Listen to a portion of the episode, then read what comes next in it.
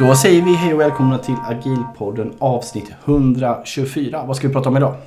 Idag ska vi prata om det är smart att eh, köpa eller utveckla mjukvara. Mm. Kul ämne. Innan vi kommer in på det så ska vi eh, ta och puffa för Agila Örebro. När är det? Den 27 april. Eh, ni kan gå in på Agila Orebro och anmäla er faktiskt. Det kunde ni inte när ni hörde förra avsnittet tror jag. Men nu kan ni det. Mm. Eh, vi kommer prata Yes. 15 viktigaste lärdomarna från Agilpodden. Det är hypotesen. Tror vi. Ja, vi tror det. Eh, och det ska bli jätte... Men något, något hittar vi på när vi är där. Absolut. Visst var det 27 april? Jag tror det. Ja, bra. Annars får man gå in och googla. Googla bara. Ni måste ändå googla när ni ska anmäla er. Och så tackar vi Agila Örebro för det.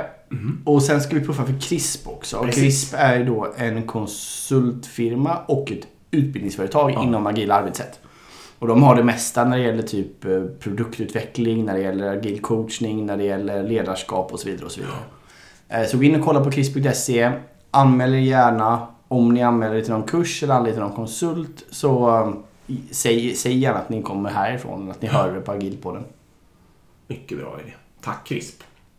Vi kan också säga det innan vi sätter igång då att om ni vill oss någonting så finns vi på agilpodden.gmail.com. Man kan skicka in förslag på ämnen, man kan skicka in feedback. Eh, Man kan också bara skicka in och säga hej. Jag kan ju börja med att credda då. Eh, anledningen till dagens avsnitt är att Mikael Åman eh, skrev till mig på LinkedIn helt enkelt. Och det kan man ju för övrigt också göra. Ja, verkligen.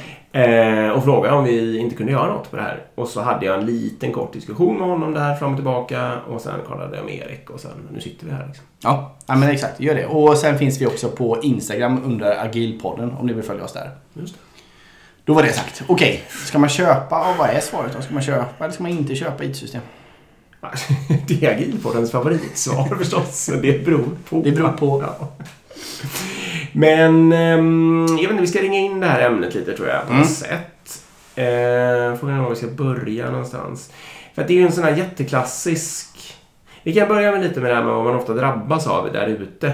Då drabbas man väldigt ofta av att ehm, vissa människor då kanske är lite så här ehm, eh, vilda västern-artade så de tänker att eh, vi bygger allting själva för det är enklast. Liksom. Mm. Då kan vi få det exakt som vi vill ha det och vi är jättebra här.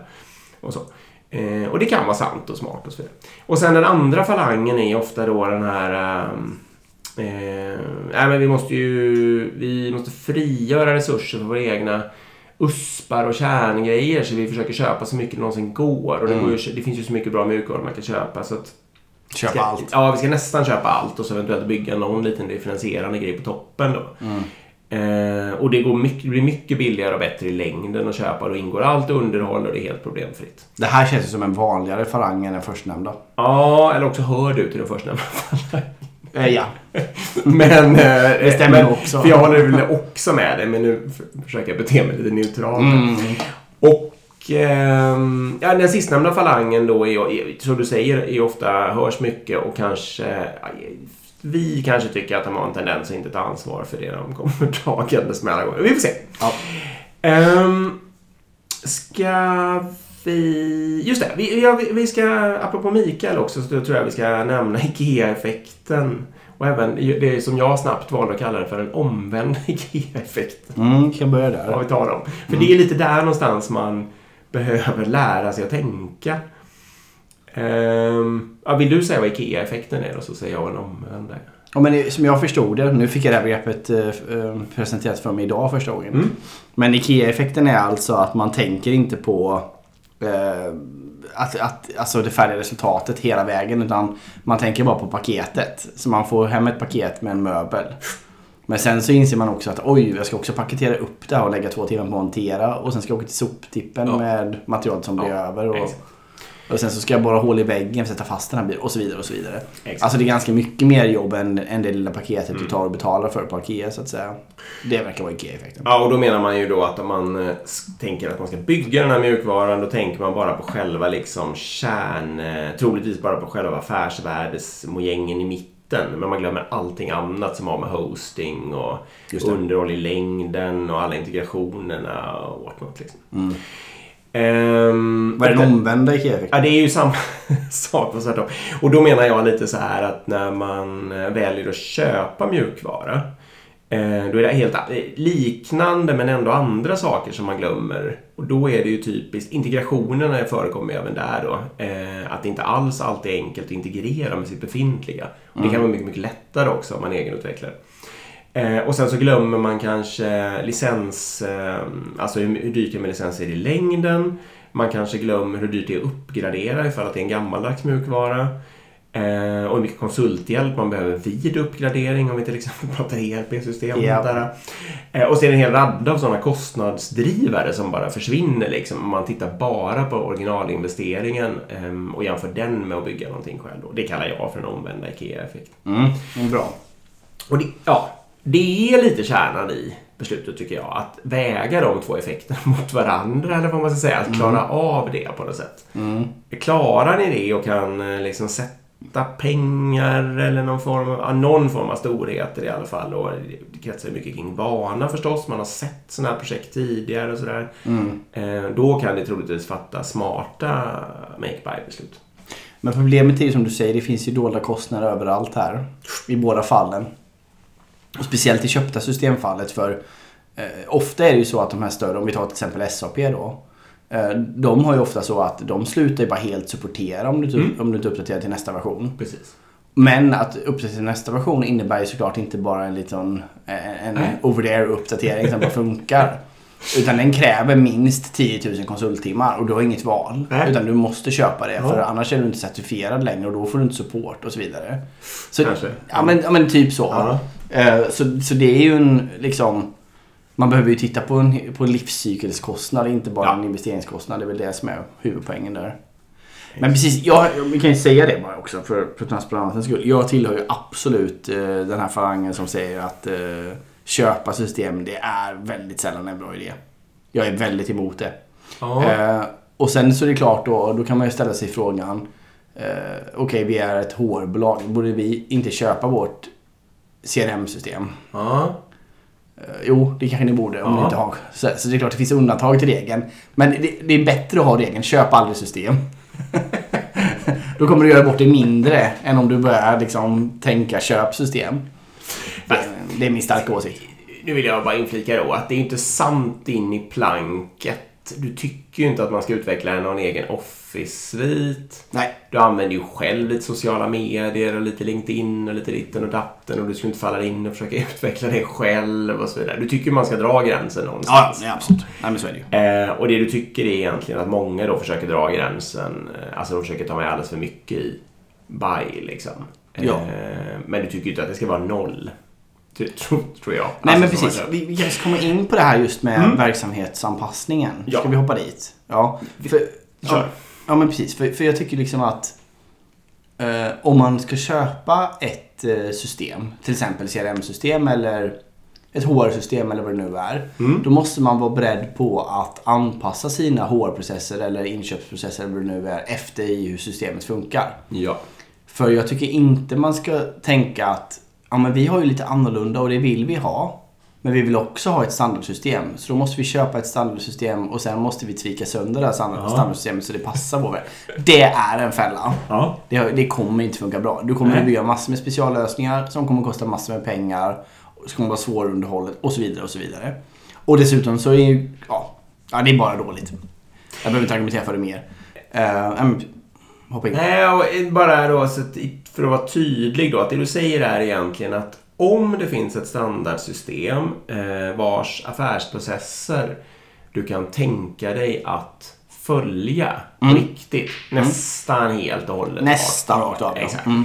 Eh, då kan det vara en bra idé. Mm. Och Office-paketet är väl ett bra exempel på det. Du kommer inte börja ändra i det här ordbehandlingsprogrammet eller mejlkalender. Och eh, även ett CRM-system mest troligen Ja. så, alltså, du ska ha koll på dina kunder och du ska ha koll på ditt säljflöde och lite, alltså det löser de systemen. Ja. Du är, där är du antagligen inte så unik så att du Nej. måste ha något eget system för det.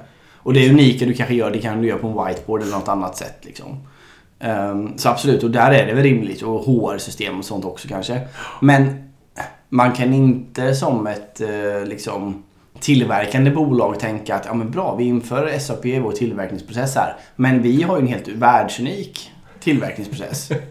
Och sen nu, ja men okej, då får vi tvika sönder SAP tills dess förbannelse. Det är, det är enligt mig en dålig idé. Precis. Och aktuellt exempel är ju en sånt här byggvaruhus som just faktiskt ska gå på kanske på det tyska ERP-systemet som Mm. du just nämnde namnet på. Ehm, I någon slags sån här Big Bang-stil och så. Och som du har sagt att just vår logistik är så himla smart och unik. Så att just där måste vi ändra ganska Mm. mycket. Och då är ju våran starka åsikt och rekommendation att gör absolut inte det. Antingen så säger ni att okej, vi hade en unik logistik och den var smart på vissa sätt, men vi offrar den nu och nöjer oss med Mm. det här liksom. Standard. Eh, ja. Och så kör vi det där ERP-systemet. Eh, eller så ska ni, ni bara inte köra ERP-systemet helt enkelt. Nej, men och, vi- man- egenutveckla så det passar er. Exakt. Supersmarta logistikprocess. Och här, må- exakt så. Och här måste man ju fundera på liksom att om man nu är ett byggvaruföretag till exempel då. Uh, Okej, vad skiljer dig mot andra byggföretag? Liksom? Ja. Ja, och har det ingenting med att göra i hur du jobbar i dina logistikflöden, i ditt liksom eh, i ditt butiksflöde, i ditt sätt kanske att hantera betalningar och så vidare.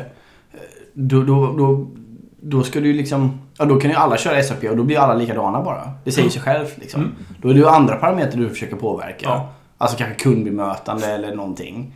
Men, men om du vill vara unik i, i något annat, till exempel logistikflöde och sånt och vidare, då kan ju inte alla köra samma system. Det är ju inte rimligt.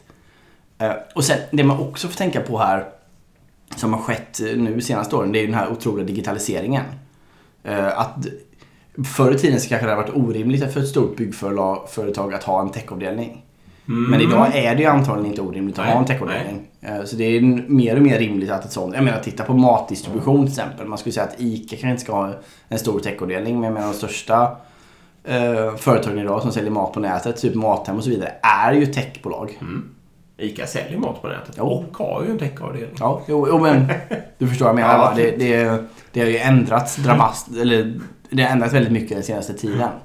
Um, apotek till exempel också är ju, de största apoteken idag är stora techbolag. Mm. Nej, men det är ju väldigt sant. Um, nej, men så att det är väl... Det är, det är ett väldigt, väldigt bra exempel där och ehm, det, det, där gäller det ju att våga då, åt vilket håll det nu än är, beroende på företagskultur, så gäller det att våga sticka ut hakan eh, och våga följa det här som vi säger nu. För egentligen är väl grund, den grundregeln är ju otroligt simpel och det är ju helt enkelt att om det finns någonting, ja det jag sa det ju, så där du kan tänka dig att använda deras affärsprocesser då kan du överväga det. Sen kan man ju fundera över kostnader och annat jox också, vi kommer in på det mer sen. Eh, men vill du, tycker du att det här är en USP du har och du tänker ändra affärsprocessen, då ska du bygga liksom. Antagligen är det så. Vad tycker du om eh, samarbete med en sån här SaaS-leverantör? Om man har en unik relation? Det ordet var uppe här också. Ja, och det är här vi kom in. Det här är ju liksom att om du har eh, om du har en unik relation, Ja. då har du liksom lite misslyckats på något Ja. sätt.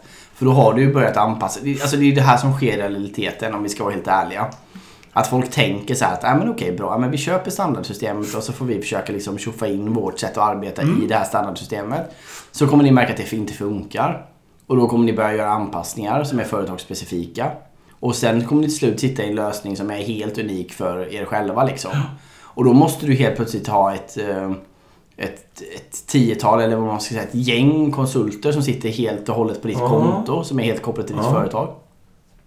Och där då blir det helt plötsligt ett snack om hur bygger man relation och hur jobbar man med agila team och hur jobbar man med SaaS-lösningar. Då, har man, då är man helt fel. Då, då har man misslyckats från början liksom. Ja. Man ska inte behöva landa i den situationen. Sen är det klart att det skulle ju teoretiskt kunna vara så att ett köpt system passar dig till 90% Ja. och gör du lite få anp- specie- speciella anpassningar ovanpå lösningen. Liksom. Alltså säga att du har, ja, ovanpå lösningen på något sätt. Brev. Ja, brev, exakt. säga. Brev ja, kanske. Eller Mm. brev faktiskt. Ja. Ja, men det är det jag menar.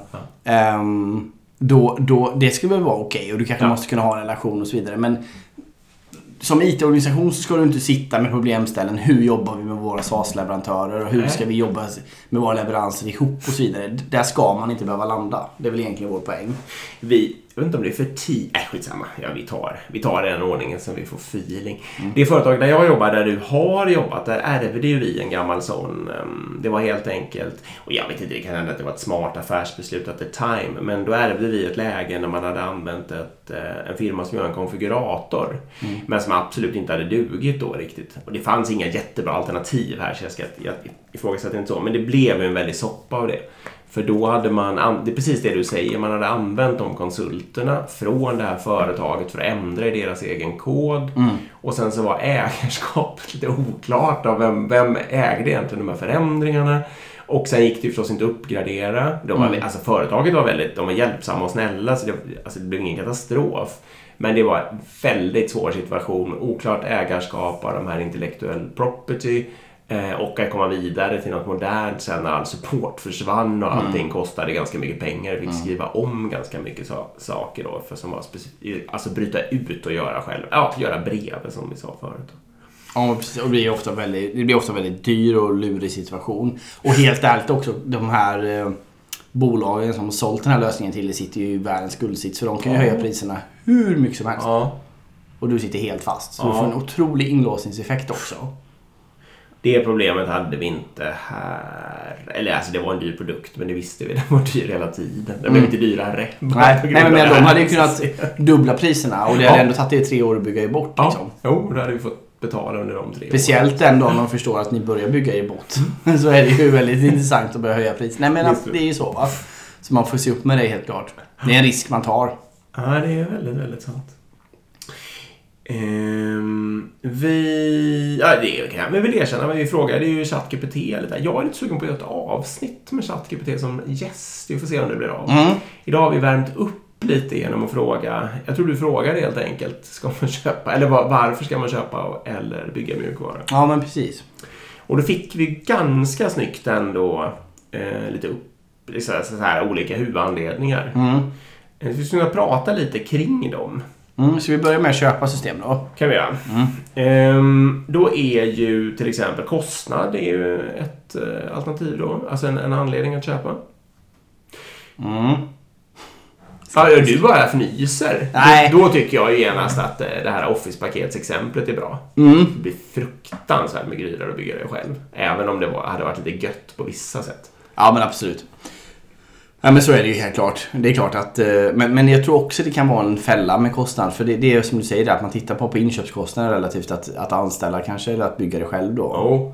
Men sen då, vad blir, för, alltså, vad blir kostnaden i längden att underhålla det här systemet? Det är ganska billigt att underhålla ett färdigbyggt system. Oh, oh, ett egenbyggt menar jag relativt licenskostnad i evig tid och så vidare.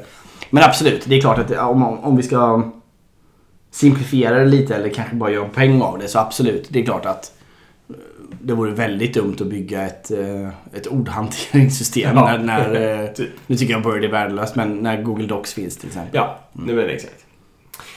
Eh, nästa anledning skulle kunna vara expertis då. Alltså, mm. det, du var väl inne på det? Absolut. Ja, men exakt. Det kan ju vara att eh, vi skapar ett bolag här och, och vi behöver ha ett HR-system för att hantera löner i. Liksom. Mm. Men det har, vi, vi kan ingenting om löner och lönespesar och vad som är bra och dåligt och så vidare. Och då kan det ju finnas ett system som där de som jobbar med det här är experter på HR eh, eller på lönespesar, om vi tar ja. lönespesar som exempel.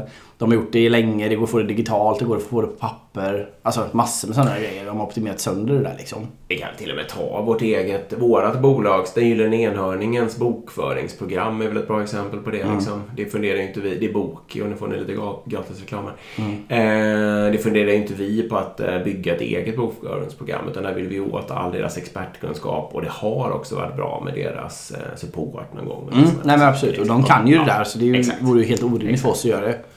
Um, absolut. Så, så det kan ju vara så. Eller det kan också vara att det är mer, ännu mer nischat än så. Alltså du håller på med något speciellt, uh, något speciellt projekt som du behöver liksom ja, ha in ett visst system för, för att få hjälp. Liksom. Eh, komplexitet, eller för den delen att tekniken är svår då så att säga. Eh, det kan ju vara ett, ett, vad ska man säga, det kan vara ett case även för ett ganska stort techbolag som egentligen har muskler att göra ganska mycket saker. Men det är klart att om man tar, ja mitt favoritexempel här skulle väl kanske kunna vara CAD, alltså att eh, rita eh, produkter och mekanik och sånt där eh, datorstött. Mm. Det är jätte, jättesvårt att bygga ett sånt system. Ehm, och de är jätte, jättedyra att köpa i och för sig också, men det är ändå helt orimligt även för ett ganska stort bolag att bara ips och ips försöka bygga ett eget liksom. Mm. Eh, som slår de bästa på marknaden. Mm. Det, så det är ju okej med att man köper även om det blir massa jobbiga integrationer och skit av det. Liksom. Mm.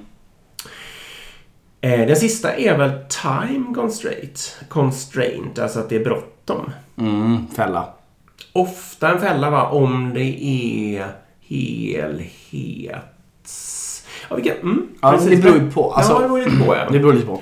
Men om man, om, om man säger så här, om anledningen är att ehm, att eh, okej, vi, vi måste ha det här på plats inom två veckor och det skulle ta sex veckor att bygga det. Alltså så. Ja, Det, det tror jag är fel. Liksom. ja. För, för det, det är inte det det kommer landa på i slutändan. Så, och jag tror inte det kommer gå mycket snabbare att köpa det heller nödvändigtvis alltid. För du ska integrera det ändå och så vidare och det ska anpassas och du vet. Allt.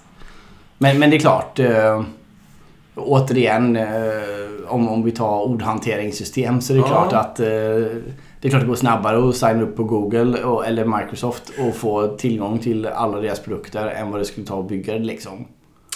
Men jag vet förresten vad jag tycker nu. Nu har jag hunnit tänka efter lite här. Eh, om det är så att man eh, har någon sån här grand vision. Alltså att det här är eh, nära kärnverksamheten. Men så sitter man och har någon jäkla vision om att man ska ha ett system som kan allt. Och, där, och det tycker man verkar ta så lång tid att bygga och därför väljer man att köpa. Då är det troligtvis en fälla. Då hade det varit bättre att göra något som på riktigt var ett smart sätt som eh, stöttar ens egen kärnverksamhet. Och bara tog de viktigaste grejerna först och så vidare. Men om det däremot är så att man behöver någon liten hjälpmojäng i det man ändå håller på och bygger. Typ exempel, jag behöver Google Analytics för att analysera vad som hände med, för mina AB-tester eller något sånt där. Liksom. Ja, Ja, då sätta igång och bygga ett litet Analytics, liksom, det kanske är dumt. Då kanske det är smartare att köpa det av till exempel Google eller någon liknande produkt. Så att säga. Eh, och då är ju time constraint Alltså det är, det, den modulen är långt från kärnverksamheten, går mycket fortare och lättare att köpa. Eh, och så kommer jag vidare och kan göra det jag är bra på. Liksom. Mm. Ja. Ja, men visst absolut. Det, det kan vara en faktor.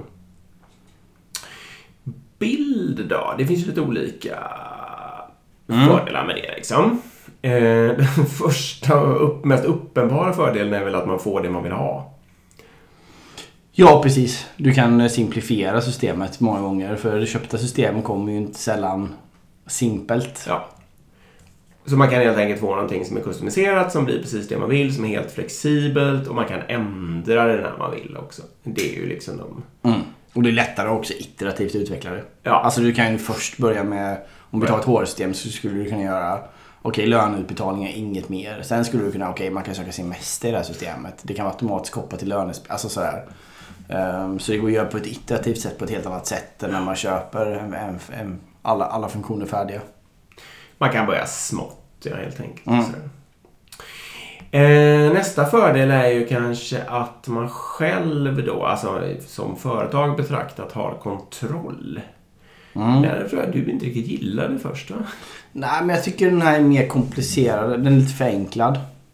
Ehm, just för att alltså, du tänker på kontroll på typ sin egna data då och så vidare. Men jag menar, du vill ju ändå ha det här molnbaserat och då har du ändå liksom, ja.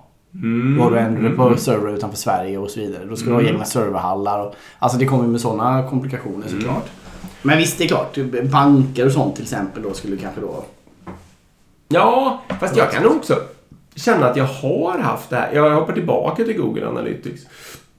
Vi använder ju det. Eh, just på det sättet som jag sa, för att vara snabba. Och sen kommer ju den här eh, datalagstiftningen som, eh, förhin- eller som gör det väldigt besvärligt att ha data i amerikanska bolag. Därför att amerikanska staten kan komma åt det, teoretiskt i alla fall. Eh, och det, ja, det är väl en del av, en del av GDPR, jag kan knappt hålla isär de här längre. Men det är någon av datalagstiftningarna i alla fall som gör att det då typ blir olagligt eller väldigt, väldigt besvärligt. Eh, och det är klart, hade man då gjort det själv istället, då hade det ju inte varit, eh, om man hade haft sitt eget Analytics, då hade man ju bara kört på så att säga. Flyttat Oj. undan datat från eh, USA, men ens eget svenska bolag hade liksom ägt hela lösningen. Men nu, Så, så vidare du hostar den på dina egna server och sånt. jo, eller kan hosta om den. Ja. ja. Man kan hosta om det på någon... Det är ju väl okej med amerikanska moln, bara det att man måste se till att hosta på Irland då, eller inom EU och sådär. Om vi, om vi tänker en EU-kontext till Ja. exempel. Men, men det, det slår ju alltså fram och tillbaka åt olika håll. Ja, men absolut. Eh, och då hade det ju varit en fördel att inte ha kö- ta, eh, Mm. använt den köpta komponenten för då hade man inte fått något problem där utan Ja. man kunde köra på som vanligt. Liksom. Ehm, ja, så det är ju compliance då. Kontroll som ofta gör det enklare att bli compliant. Mm. Eh, det är väl argumentet. Ehm, man äger ju sin egen intellectual property, det pratade vi lite om. Ja, men precis. Vad, in, vad är det på svenska egentligen? Åh, Gud, vad heter det? Alltså så här... mm, intellectual property. Det är alltså när, man, när det inte är något fysiskt som man äger egentligen. Det är inte en byggnad eller, eller pengar. En affärshemlighet kanske. Utan det, ja, men det kan ju det. Alltså, det är vad som helst. Det är ju Ja. även en tavla eller, Jo, jo. eller ett mönster i alla fall. Eller något sånt Mm. där. Alla patent, Mm. eh, kod och så vidare. Liksom. Idéer av olika slag som Mm. på något vis kan mönsterskyddas eller patenteras. Liksom. Ehm, nej, det, be- det behöver de inte heller. Alltså, allt som ett företag gör som är information och data som man själv liksom äger och har skapat, det är ju någon slags intellectual property. Mm. Nej, det kan vi, vi borde kolla definitionen någon gång. Ja, det spelar ingen roll. Eh, skalbarhet är ju... Ja, du gillar inte den heller va? Det bara frågar allt. Nej men eh, alltså det är lite också förlegat för jag menar det är klart att köper du ett system så är det klart det skalar liksom. Det finns ju ingen leverantör som inte kan skala upp till eh, väldigt mycket användning eller göra en global lösning och så vidare. Ja. Jag tror inte du blir bättre på det för att göra det själv nödvändigtvis. Jag tycker hela huvudpoängen kommer tillbaka till det här liksom med eh, att du kan göra ett enklare system. Du kan göra det helt anpassat för dig själv och du kan, då kan du ha din unika logistiklösning. För du kan bygga ett system som passar sig till det.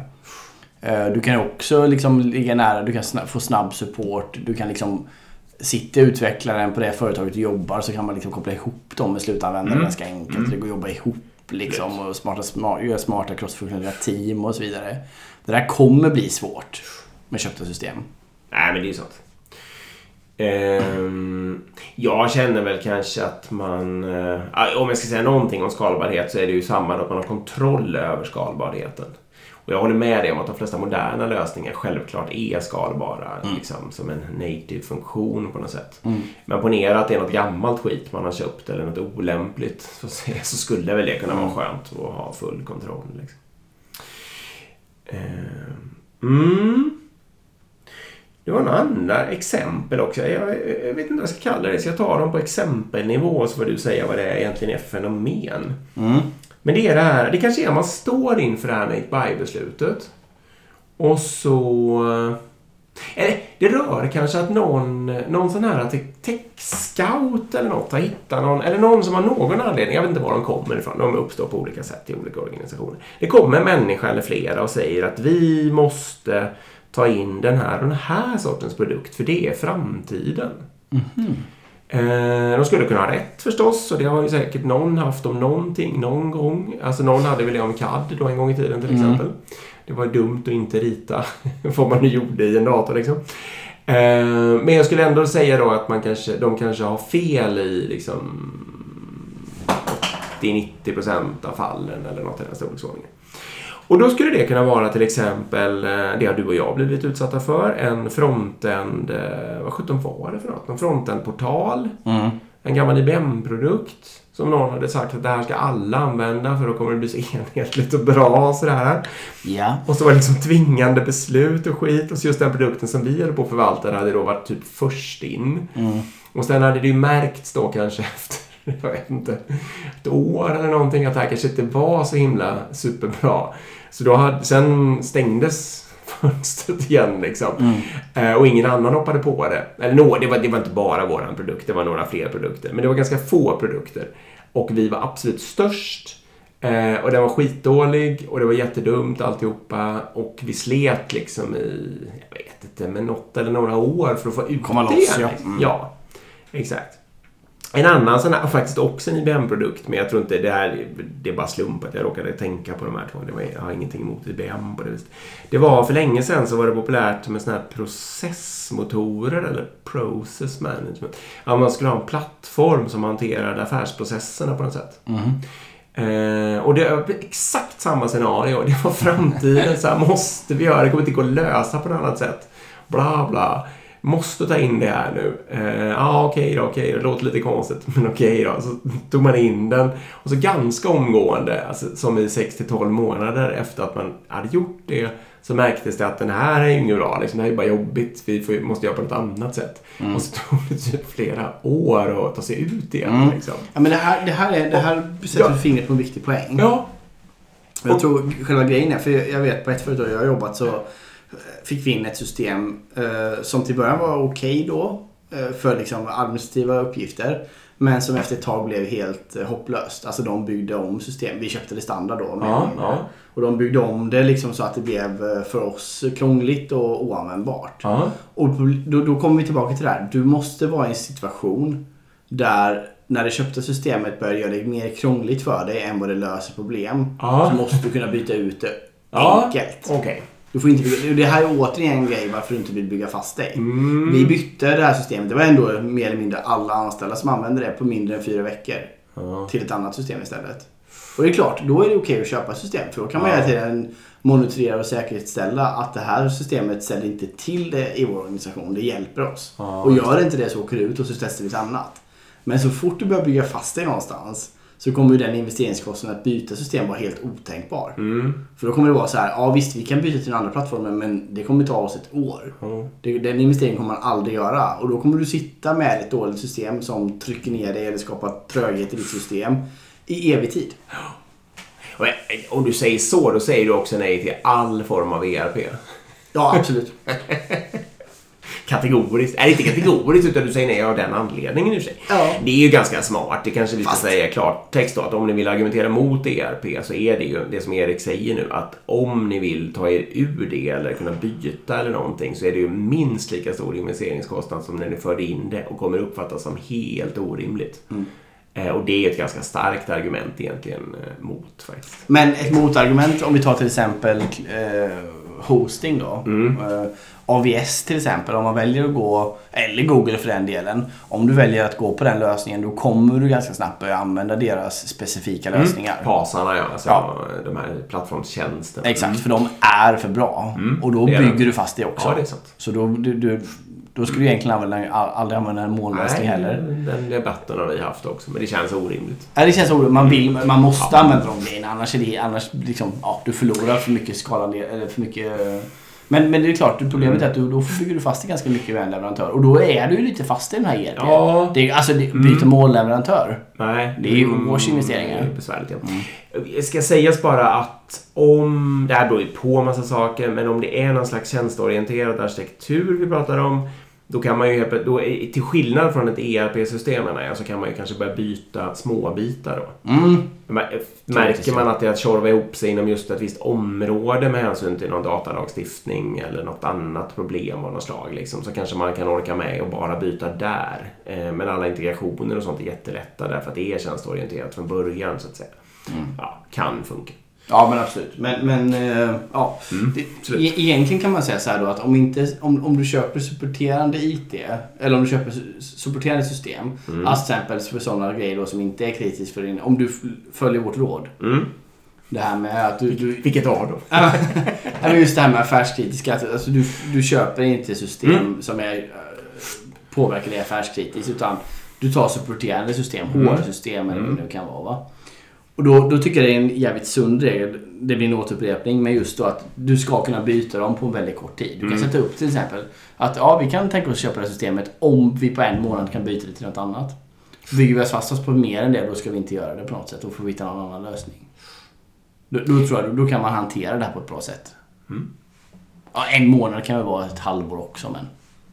Alltså. Man, man, får ju precis, i alla fall, vad ska man säga, aktivt ställa sig frågan och mm. svara på den och inte bli eh, rädd och tycka att allt är obehagligt. Det är ju mer så då. Och tycker man att ett halvår eller ett år är okej så får man tycka det då. Mm. Men då ska det vara medvetet beslut. Ja, men exakt. exakt. Eh, ska väl sägas också, jag vet inte om ni har funderat på det ni som lyssnar nu, men vi frågade ju ChatGPT om, eh, om SAP också. Mm. Och jag tror du frågade, är det bra att implementera SAP? Ja, är det bra för stora företag att köpa SAP? Något sånt där. Mm. Och då är ju eh, ChatGPT är ju väldigt diplomatisk, skulle sägas då, Mm. och går ju på vad, den åsikten som finns där ute på internet liksom, och medelvärdet av den, eller vad man ska säga, så det blir ju lite utsmetat. Men eh, eh, den lyckades ju då i alla fall haspla ur sig att det kan fungera och sådär. Det finns fördelar och whatnot liksom. Absolut, sades ju det. Och den sa ju också att eh, man ska verkligen ta i beaktande att det är dyrt Mm. eh, och kräver väldigt mycket resurser för att föra in. Och det här som du verkligen touchade på tror jag, att det är väldigt höga förvaltningskostnader och väldigt höga kostnader som kommer över tid också. Liksom. Att man måste vara beredd på det, att man ska lägga mycket tid och resurser på uppgraderingar. Och, Ja, tyvärr är det ju så. Och, men det, så, Det jag. så, så funkar ju inte äh, IT-utveckling idag. Liksom. Det är inte så att man bygger en tjänst eller en, en, ja, en tjänst eller en service eller vad man vill kalla det. Och sen låter man den ligga i tre år och sen så bara nu ska vi uppdatera det här till Nej. nästa version. Nej. Man jobbar ju inte så. Det är helt onaturligt. man och man, men Ja. det, nej, inte modern. Nej. Och med, eh, hitta Mm. ett eh, av de här större bolagen med ERP-system och vidare som inte jobbar så. I Nej. årsreleaser liksom. Nu tror jag inte du har gjort det, men om du köper självkörande modulen till din Tesla för ganska mycket pengar. Eh, då är inte du beredd att sen efter ett och ett halvt år att de plötsligt skulle ha vidareutvecklat den i en, en stor Big Bang-grej och att du ska betala en massa mer pengar Nej. för att få den nya. Exakt. Utan då kommer det ju smyga sig ner en massa små sömlösa förbättringar i bilen eh, liksom lite allt eftersom och den kommer bli smartare och smartare utan att du märker något. Liksom. Mm. Och det är ju den förväntan kanske då som sådana människor som du och jag har på, på mjukvaran. Liksom. Ja, men exakt. Mm. Nej, det är väldigt sant. Eh, ja, jag tror jag har tömt ut mig. Hur länge har vi spelat in? Ja, eh, 35. Mm. Ska vi ta Nike-grejen också? Ja, kan vi göra. Har vi den? Bara som en... Det- eh, vi kan ju bara säga precis. att vi har fått en Det som något. Erik letar efter är ju det här uh, Nike-manifestet nästan, eller vad det nu är som är skrivet av någon gammal uh, VD eller något på 70 60-talet, Vi vi, 70-talet. ska, vi, vi ska klippa bara för... eh, eh, jag tänkte att du sa där att jag är uttömd. Då tänkte jag att innan där klipper jag. Okej. Ja, men vi rundar där. På ämnet om... eh, Har vi missat något perspektiv och sånt, hör gärna av er. Som sagt, vi är öppna för feedback.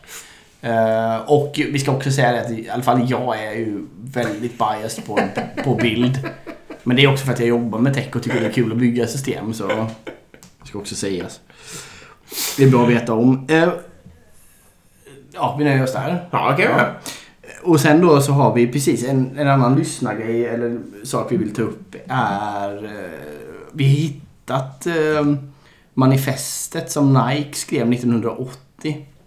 Var det VDn? Jag har sett den Phil. Knight. Jag vet inte vem det är. Jag antar att det är han som har skapat det- bolaget. Ja. Men jag, jag vågar inte svära. Eller någon, ja det är någon slags hög chef på Nike. Ja. Det är jag ganska säker på. Ja, precis. Och de har skrivit 10 punkter då. Ja. Och det är ju ganska roligt. Ni borde googla upp, eller lägg det sen på uh, vår kan lägga det på Instan, För ja. det är ju skrivet på en gammal skrivmaskin kan man se. Ja, det är det. ja, och det är tio punkter. Väldigt enkla och lättbegripliga. Kör. Ja, vi tar dem från början bara. Ja, precis. Och det, tanken är då att det här är då alltså 80, det är alltså 40-ish år gammalt Ja. liksom. 43 Ja, snart. och, och det gäller ju väldigt fortfarande och det här kanske fler företag borde skriva ut och sätta upp då. Mm. Och då är det ju första punkten är att vår verksamhet kommer ändras. Mm. Nummer två är vi är på offens. Vad betyder det? Vi är redo kanske eller vi är... Offensiven va? Ja, just det. Mm. Offensiv. Bra. Mm. Eh, Alltid. Det, Mm. det är tvåan.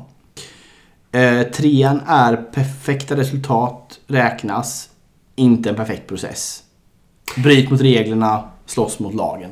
Precis, jättebra. Och jag ska bara säga att offensiven menar de att man ska inte luta sig tillbaka och försöka försvara sina positioner eller använda sin marknadsledning bara för att vara slö eller något sånt där. Liksom. Nej, precis. Ehm, ja, precis. Och trean är ju att man, att man ska då inte... Det är ju nästan en del, som en del av det agila manifestet. Man ska inte låta processen ta över ovanför resultaten utan det är de som räknas lite som där. Ja. Fungerande mjukvara Eh, ovanför dokumentationen. Exakt, och det här eh, bryt mot reglerna, slåss mot lagen. Mm. Det är också eh, en form av autonomi i det. Och att inte anpassa sig och, och acceptera dumhet liksom. Det har vi ju testat en annan gång. Det har vi testat och det, det, det är ju kul. Ja, och jobbigt. Och jobbigt. Ehm, fyran här får hjälpa mig att översätta då. Det är... This is as much about battle as about business. Jag vet inte riktigt vad det är de vill uh, poängtera med det. Vi kan hoppa den. Fem är assume nothing. Anta inget alltså. Mm. Eh, håll folk accountable eller se till att de uppfyller sina krav eller sina lo- det de lovar. Mm. Eh, pusha andra, att pu- pusha dig själv till att pusha andra och sträck på, eh, det är svårt när man översätter nu. Stretch vad? Stretch the possibility. Mm. Ja, men dra ut möjligheterna så långt det går. Eh, accountability är ju att hålla människor ansvariga. Det är för att få en ansvarskultur så att folk faktiskt gör det som de säger att de ska göra. Och sådär, liksom. Exakt. Vi kan hoppa lite så får man gå in och läsa alla här. Men det som är viktigt sen är också att de tar upp det som är faror då. Och då är det byråkrati, Mm. personlig ambition, Mm. Mycket farligt. Ja, mycket farligt. Energitagare versus energigivare. Mm. Veta om sina eh, svagheter. Att göra för mycket på samma sak. Eller för göra för, inte för samma sak, för göra för mycket på samma gång. Mm.